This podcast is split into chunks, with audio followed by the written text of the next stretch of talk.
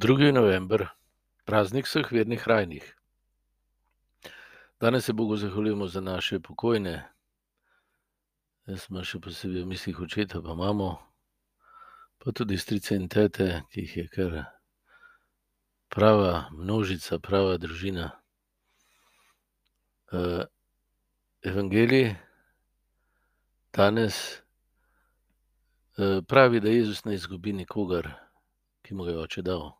Dal mu je pa vsakega izmed nas, ki nas je ustvaril z besedo, po svoji besedi, po podobi Jezusa Kristusa, kot sinovi in hčere, kot tiste, ki lahko postanejo bratje in sestre drugim.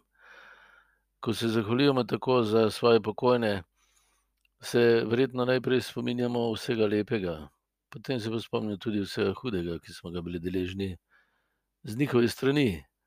In za prvo se zahvaljujemo, za drugo pa uh, se zahvaljujemo Bogu, da je njim odpustil in se tako lažje tudi mi poslovimo in sprejmemo odpuščanje nam zaradi naše zamere, uh, zaradi vsega tistega, kar slabega naredimo, potem ko zamerimo staršem ali pa pokojnim. To, kar uh, so proti nam zagrešili slabega.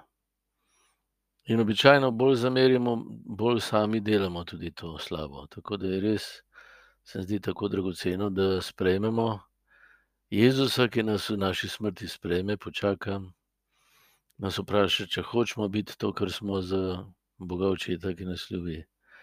In če sprejmemo, da je On vzel naše, naso, nase našo smrt, večno smrt, to, da smo mrtvi za Boga, da nimamo večnega življenja, da smo. Eh, kot bi rekel, sebe zaprli v pekel, vrtenje okrog sebe. To, da se čist preprosto lahko zahvaljujemo in se pridružujemo Jezusu, ki eh, nam pokaže pot naprej. Da je naš sedanji trenutek že del življenja iz Božje ljubezni in v tem je tudi večnost.